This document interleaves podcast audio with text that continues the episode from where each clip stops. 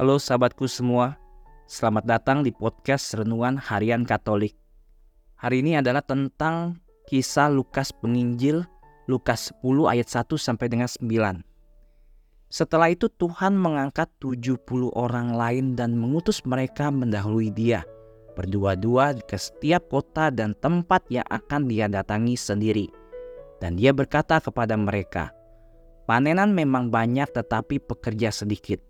Karena itu berdoalah kepada Tuhan pemilik panen agar mengirimkan pekerja untuk menuainya. Sahabat, ke-72 murid sangat berbeda satu sama dengan yang lainnya.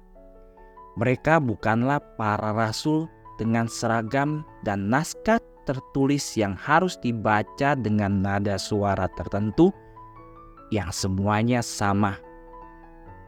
Mereka semua berbeda dan memiliki bakat yang berbeda, aksen yang berbeda, cara penyampaian yang berbeda. Mereka bukanlah pasukan cloning atau robot. Karena Allah membutuhkan murid-murid yang bebas dan tulus, bukan peniru. Santo Paulus menjelaskan bahwa Allah memanggil beberapa orang untuk menjadi rasul, beberapa nabi, beberapa penginjil, beberapa gembala, dan guru. Lukas adalah seorang dokter.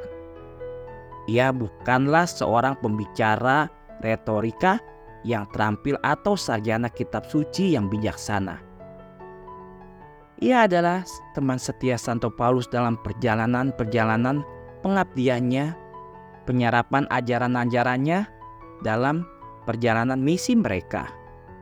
Ada sesuatu talenta yang ia kuasai, yaitu menulis. Ia diilhami oleh Roh Kudus untuk menulis Injil dan kitab kisah para rasul. Ia meneliti kehidupan dan khotbah Tuhan kita dengan cermat mewawancarai saksi yang masih hidup saat itu dan mengumpulkan seluruh materi yang diperlukan. Hampir setengah dari isi Injilnya tidak ada di Injil-Injil lain. Kepadanya kita berhutang. Misalnya cerita tentang masa pertumbuhan Yesus yang mungkin ia dapat dari Bunda Maria. Lukas memiliki bakat itu ia bisa menulis bahasa Yunani yang sangat elegan. Allah tidak membutuhkan dua Santo Paulus atau dua Santo Petrus untuk menyebarkan Injil. Ia membutuhkan satu Paulus, satu Petrus, satu Lukas, satu saya, dan satu sahabat semua. Tuhan membutuhkan orang-orang dengan bakat yang berbeda tetapi yang menjadikan karunia mereka sebagai pelayanan bersama Roh Kudus. Injil harus disebarkan ke seluruh dunia.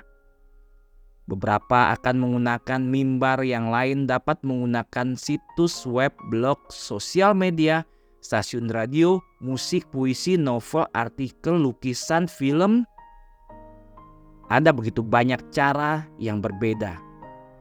Saya melalui kegiatan Opus Dei dan podcast Renungan Harian Katolik. Sahabat juga memiliki bakat sendiri. Apa yang bisa sahabat lakukan? Maria, Bunda para penginjil, bantu saya untuk menyediakan semua bakat saya bagi Roh Kudus agar ia dapat dengan efektif membimbing saya menyebarkan Injil di mana-mana. Bunda Maria, harapan kita dan tata kebijaksanaan, doakanlah kami.